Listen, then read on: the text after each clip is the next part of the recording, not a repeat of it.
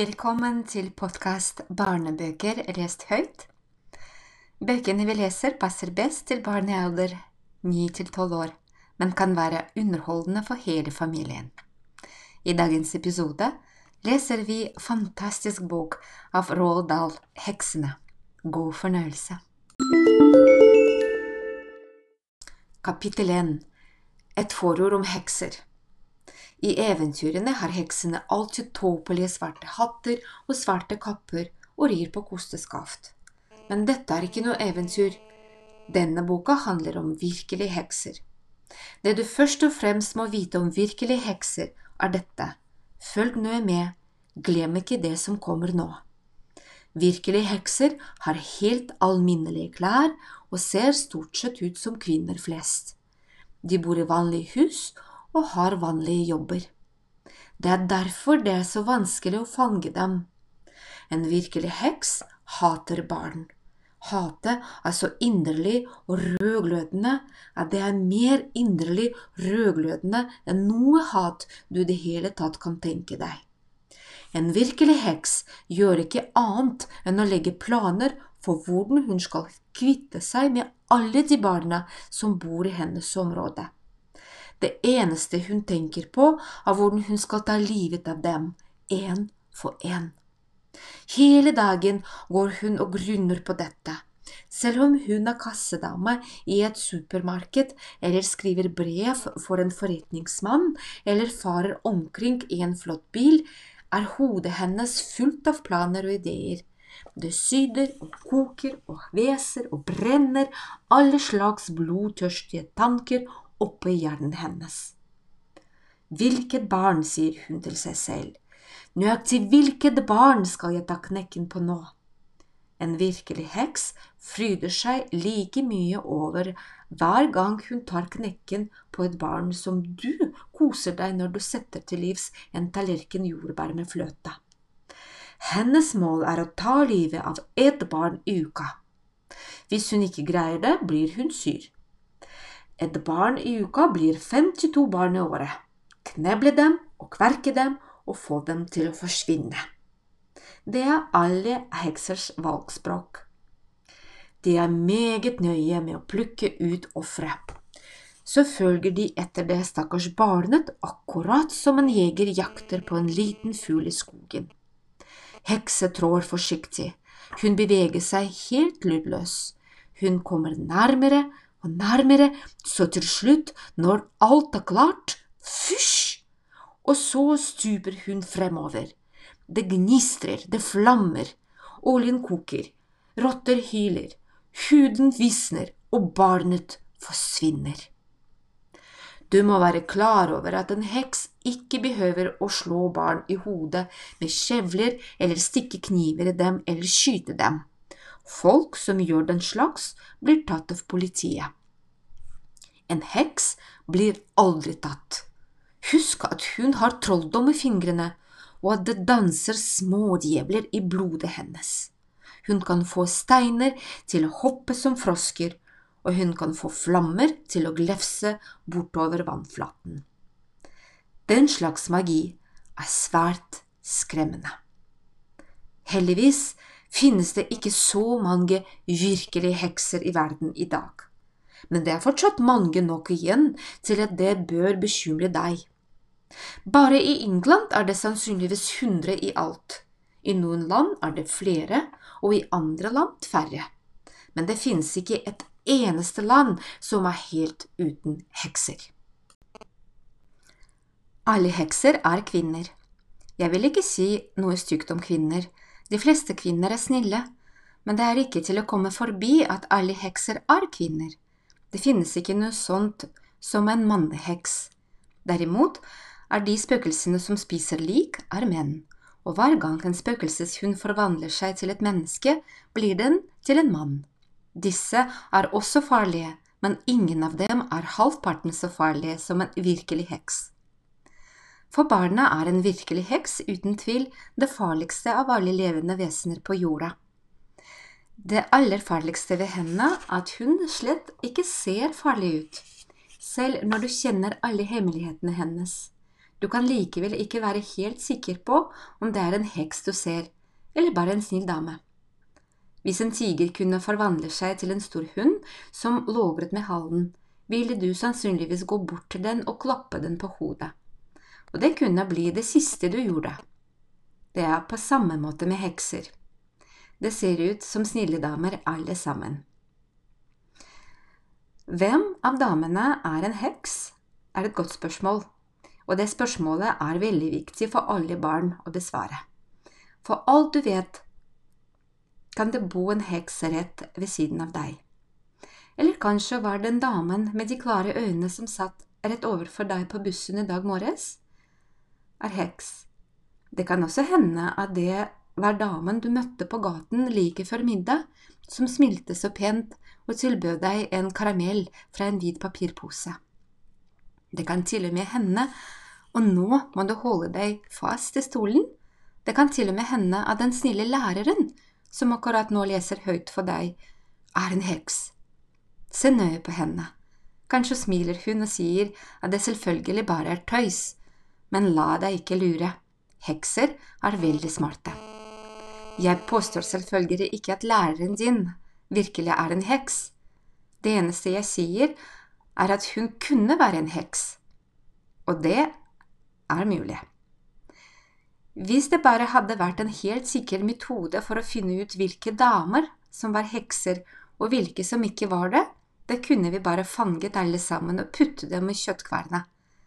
Dessverre finnes det ikke noe slik metode. Men det er enkelte små tegn som du kan være på utkikk etter. Små, merkelige uvaner som alle hekser har felles. Hvis du greier å huske på disse hele tiden, kan det hende du greier å unngå at en heks tar knekken på deg før du rekker å bli eldre. Kapittel 2 Bestemoren min Selv møtte jeg hekser to ganger før jeg fylte åtte. Første gang slapp jeg fra det uten menn, men den andre gangen var jeg ikke så heldig. Det hendte ting som sannsynligvis vil få deg til å skrike når du leser om dem. Det får så være. Sannheten må frem. Tross alt er jeg fortsatt i live og kan snakke til deg, og det er helt og fullt takket være den fantastiske bestemoren min. Min bestemor var norsk, nordmennene vet alt om hekser, for det er her de aller første heksene kom fra. Moren og faren min var også norske, men fordi faren min arbeidet i England, ble jeg født der og bodde der og begynte på skolen der. To ganger i året, hver jul og hver sommer, dro vi tilbake til Norge for å besøke bestemoren min. Så vidt jeg kunne skjønne, var denne gamle damen den siste slektningen vi hadde igjen i Norge. Hun var moren til moren min, og jeg beundret henne voldsomt. Når vi var sammen, snakket vi enten norsk eller engelsk. Det var det samme. Vi snakket begge språkene like godt, og jeg må innrømme at jeg følte meg mer knyttet til henne enn til moren min. Straks etter at jeg hadde fulgt syv år, tok foreldrene mine meg med til Norge for at vi skulle feire julen sammen med bestemor, slik vi pleide. Og mens faren min og moren min og jeg kjørte på de isglatte veiene like nord for Oslo, begynte bilen vår å skli, og vi styrtet rett ned i en steinete ur. Foreldrene mine ble drept, men jeg var godt fastspent i baksetet og fikk bare et lite kutt i pannen. Jeg vil ikke fortelle noe om hvor fælt jeg hadde det den kvelden. Jeg blir fortsatt kald når jeg tenker på det. Det hele endte selvfølgelig med at jeg satt fanget til bestemoren min med armene hennes hardt rundt meg. Vi gråt, begge to, hele natten. Hva skal vi gjøre nå? spurte jeg henne og snufset voldsomt. Du skal bli hos meg, sa hun, og så skal jeg passe på deg. Skal jeg ikke reise tilbake til England? Nei, sa hun, det kunne ikke falle meg inn. Sjelen min kommer nok til himmelen en dag, men kroppen min skal i norsk jord. For at vi skulle glemme all det fæle som hadde hendt, begynte bestemor å fortelle meg historier allerede den neste dagen. Hun var utrolig flink til å fortelle, og jeg ble helt oppslukt hver gang. Men det var først da hun begynte å snakke om hekser, at jeg virkelig sperret øynene opp. Hun var tydeligvis ekspert på hekser, og gjorde det helt klart for meg at heksehistoriene ikke var eventyrhistorier, som de fleste andre historier hun fortalte. De var sanne. De var helt sanne. De var historier. Alt det hun fortalte meg om heksene, hadde virkelig hendt, og jeg måtte ikke våge å tvile på henne. Det aller verste, og det var virkelig, virkelig fælt, var at heksene fortsatt fantes. De var rundt oss, overalt, og jeg måtte ikke våge å tvile på det heller. Er du absolutt helt sikker, bestemor? Luver du ikke bitte lite grann? Gutten min, sa hun, du kommer ikke til å få noe langt liv hvis du ikke vet hvordan du kan kjenne igjen en heks hver gang du treffer en. Men du sa jo at heksene ser akkurat ut som vanlige kvinner, bestemor. Hvordan kan jeg få øye på dem, da? Hør nå etter, sa bestemor. Du må huske alt det jeg forteller deg nå. Når du kan alt sammen, er det bare å krysse fingrene, be til Gud og håpe på det beste. Vi satt i den store stua i huset hennes i Oslo, og jeg skulle akkurat til å legge meg. Gardinene ble aldri trykket for der i huset, så jeg kunne se de digre snøfillene falle sakte ned. Verden utenfor var svart som tjære. Bestemor var fryktelig gammel og rynkte, med en kjempediger kropp som var grundig pakket inn i grå blonder. Hun satt som en dronning i lenestolen og fulgte den fullstendig. Det var ikke plass til en liten mus ved siden av henne.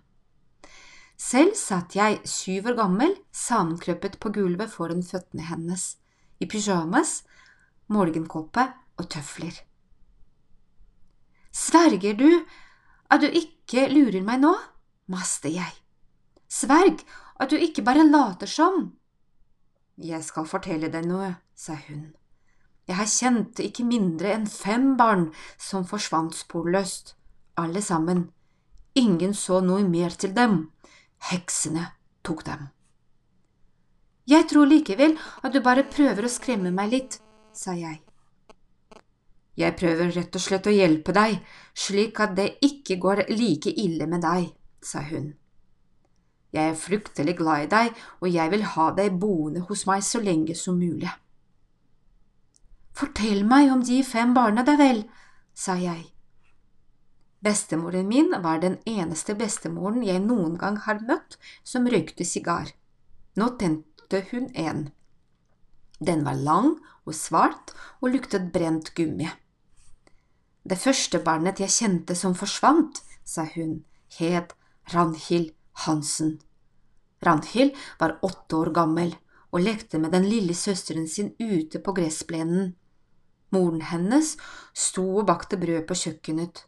Så gikk hun ut for å få litt frisk luft. Hvor er Randhild? spurte hun. Hun gikk sin vei, sammen med den høye damen, svarte lillesøsteren. Hvilken høy dame? spurte moren. Den høye damen med de hvite hanskene, svarte lillesøsteren. Hun tok Ranhild i hånden og leide henne med seg. Og siden det, sa bestemor, har ingen sett noe mer til Ranhild. Lette de ikke etter henne engang? spurte jeg. De lette milevidt. Alle i hele byen hjalp til med letingen, men de fant henne ikke. Men de har den andre fire barna, da? spurte jeg. De forsvant akkurat på samme måte. Hvordan forsvant de, bestemor? Hver eneste gang var det noen som hadde lagt merke til en merkelig dame rett utenfor huset. Men hvordan forsvant de? spurte jeg. Nummer to var helt spesiell, sa bestemor. Familien het Christiansen, og de bodde oppe i Holmenkollen. De hadde et gammelt oljemaleri i stua.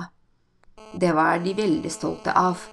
Bildet forestilte noen ender ute på jorda ved en bondegård. Det var ingen mennesker på bildet, bare en flokk ender som tråkket rundt i gresset, og så bondegården i bakgrunnen. Bildet var ganske stort og nokså pent. Nå vel, En dag kom Solveig hjem fra skolen. Hun gnagde på et eple. Hun sa at en snill dame hadde gitt henne det på gaten. Neste morgen lå ikke Solveig i sengen sin. Foreldrene hennes lette overalt, men fant henne ikke. Så plutselig ropte faren, Der er hun! Solveig mater hendene! Så pekte han på oljemaleriet, og helt riktig, der var Solveig. Hun sto i gresset og kastet brødstykker til endene. Faren løp bort til maleriet og tok på henne, men det nyttet ikke. Hun var rett og slett en del av bildet. Et helt alminnelig bilde malt på lerret. Har du sett det maleriet, bestemor? Flere ganger, sa bestemor. Det merkeligste var at lille Solveig stadig vekk flyttet seg rundt på bildet. En dag var hun inne i huset, og det eneste du kunne se, var ansiktet som styret ut gjennom vinduet. Neste gang var hun til venstre på bildet med en and i armene. Men så du at hun rørte på seg, bestemor? Ingen fikk noen gang se det, uansett hvor hun var, enten hun så ut gjennom et vindu eller hun var ute på jorda og matet endene, så var hun bare en figur malt med oljefarger. Det var høyst merkverdig, sa bestemor. Absolutt meget merkverdig. Og det aller, aller merkverdigste var at ettersom årene gikk, ble også hun eldre. På ti år forandret hun seg fra å være en liten pike til å bli en ung kvinne. I løpet av 30 år var hun blitt middelaldrende. Og så plutselig en dag, 54 år etter at hun først hadde dykket opp på bildet, forsvant hun fullstendig.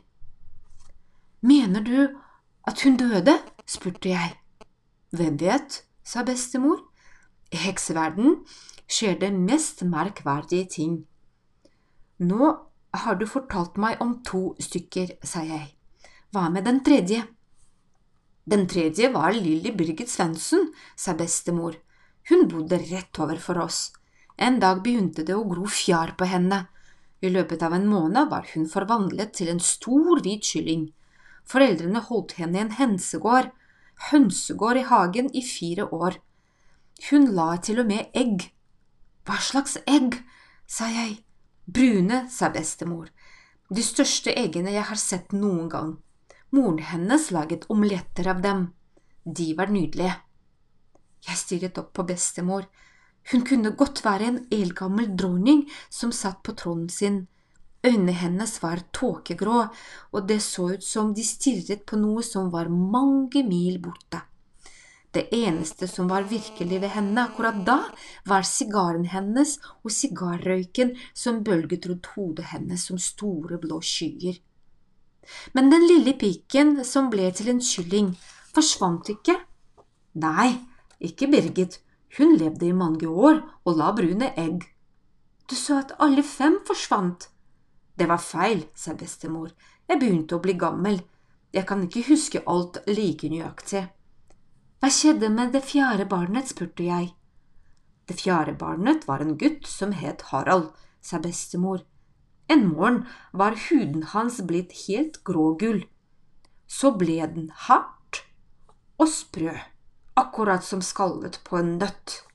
I løpet av kvelden var gutten forvandlet til stein. Stein? sa jeg. Mener du virkelig stein? Granitt, sa hun. Jeg skal ta deg med, så får du se på ham, hvis du vil. De har ham i huset fortsatt. Han står i gangen og har blitt en liten steinstatue. Gjestene pleier å støtte paraplyene sine på ham. Selv om jeg var nokså liten, trodde jeg ikke på all det bestemoren min fortalte meg, men hun hørtes nokså overbevisende ut og snakket helt alvorlig, så jeg var ikke helt sikker på hva jeg skulle tro. Fortsett, bestemor, sa jeg. Du sa det var fem i alt, hva skjedde med den siste? Har du lyst til å smake på sigaren min? spurte hun. Jeg er bare syv, bestemor. Det er det samme for meg hvor gammel du er, sa hun. Du blir aldri forkjølet hvis du røyker sigar. Hva med nummer fem, bestemor? Nummer fem, sa hun og tugde på enden av sigaren som om det var en nydelig sukkerbit. En interessant historie i grunnen. Det var en ni år gammel gutt som heter Leif, og han var på sommerferie med familien sin. De var ute ved sjøen, og hele familien hadde slått seg ned på en øy. Der spiste de formiddagsmat og badet. Unge Leif dykket hele tiden. Faren holdt øye med ham og la merke til at han var nokså lenge under vann. Da han endelig kom opp til overflaten igjen, var han ikke Leif mer. Hva var han, bestemor? Han var blitt en nise. Nå tuller du, han kunne vel ikke blitt en nise? En ung og meget pen nise, sa hun. Meget vennlig, til og med. Bestemor, sa jeg. Ja, gutten min? Er det helt sikkert at han ble forvandlet til en nise? Helt sikkert, sa hun. Jeg kjente moren hans godt. Det var hun som fortalte det. Nisen Leif var sammen med dem hele ettermiddagen. Han lot brødrene og søstrene ri på ryggen sin. De hadde det veldig morsomt. Til slutt viftet han til dem med en finne og svømte sin vei. Og siden så ingen noe mer til ham. Men bestemor, sa jeg, hvordan kunne de vite at nisen virkelig var Leif? Han snakket til dem, sa bestemor. Han lo og tullet med dem mens de satt på ryggen hans. Ble det ikke veldig mye oppstyr da? Spurte jeg. Ikke så veldig, sa bestemor. Du må huske på at her i Norge er vi vant til den slags. Her er det hekser overalt. Høyst sannsynlig bor det en heks i den gaten vi bor i også. Men nå må du gå og legge deg. Kan heksene komme seg inn gjennom vinduet mitt mens jeg sover? spurte jeg, litt skjelven. Nei da, sa bestemor. Hekser vil aldri gjøre noe så tåpelig som å klatre opp vannrennene eller bryte seg inn hos folk. Du er helt trygg i senga di. Kom nå, så skal jeg bre dyna over deg.